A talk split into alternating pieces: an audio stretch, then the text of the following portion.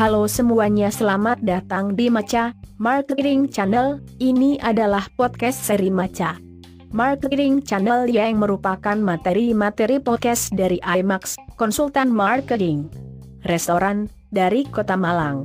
Selamat mendengarkan.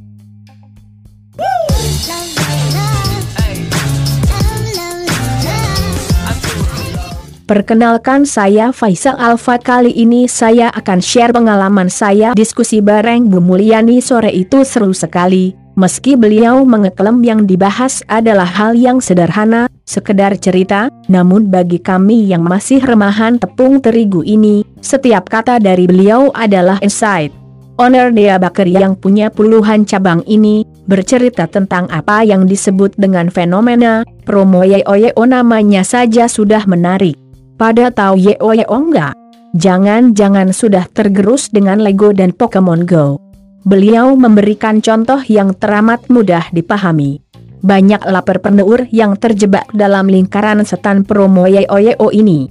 Apa penyebabnya?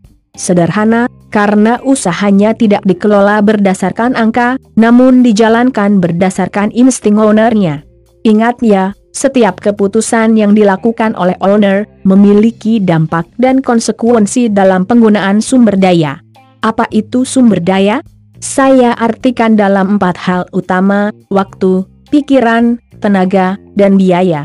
Catatnya, jadi setiap pertimbangan dan keputusan, perhatikan keempat sumber daya ini ya.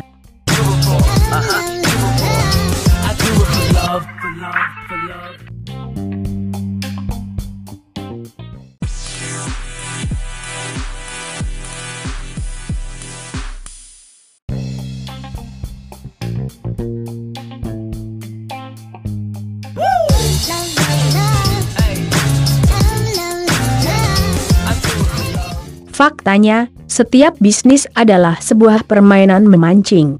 Sesekali, saya nonton TV kabel dan nyasar di acara-acara memancing seperti Impossible Fishing-nya Robson Green, atau Monster Fish-nya Zeb Hogan. Prinsip memancing selalu sama, menyediakan joran dan umpan sebagai alat untuk mengail ikan.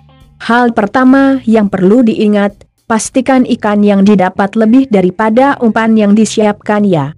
Dalam banyak kasus, promo YOYO adalah fenomena saat dilakukan promo, angka penjualan meningkat, tetapi saat periode promo berakhir, ternyata angka penjualan kembali pada angka sebelumnya.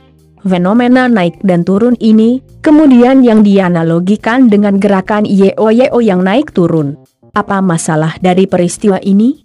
Tidak ada masalah sama sekali, kecuali kita menyadari bahwa promo yang tepat sasaran, efektif dan efisien tidak berjalan dengan rumus ini. Bagaimana rumus yang dicari? Anggap saja penjualan tanpa promo di angka 10, kemudian promo diterapkan, angka penjualan kemudian naik. Angka naik di kisaran angka 15 selama promo, dan kemudian setelah promo berakhir, angka penjualan masih terangkat di angka 13, sedap ini.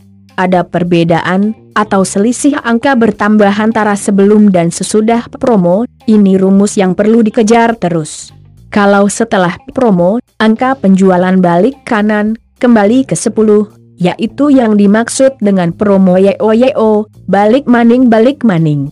Artinya promo yang dibuat, gagal menggaet konsumen baru untuk mentenagai penjualan.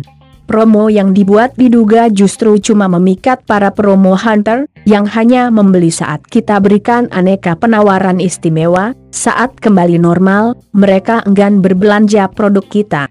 Lebih jauh, perlu diidentifikasi, bahwa masalah sebenarnya bukan di pemasaran.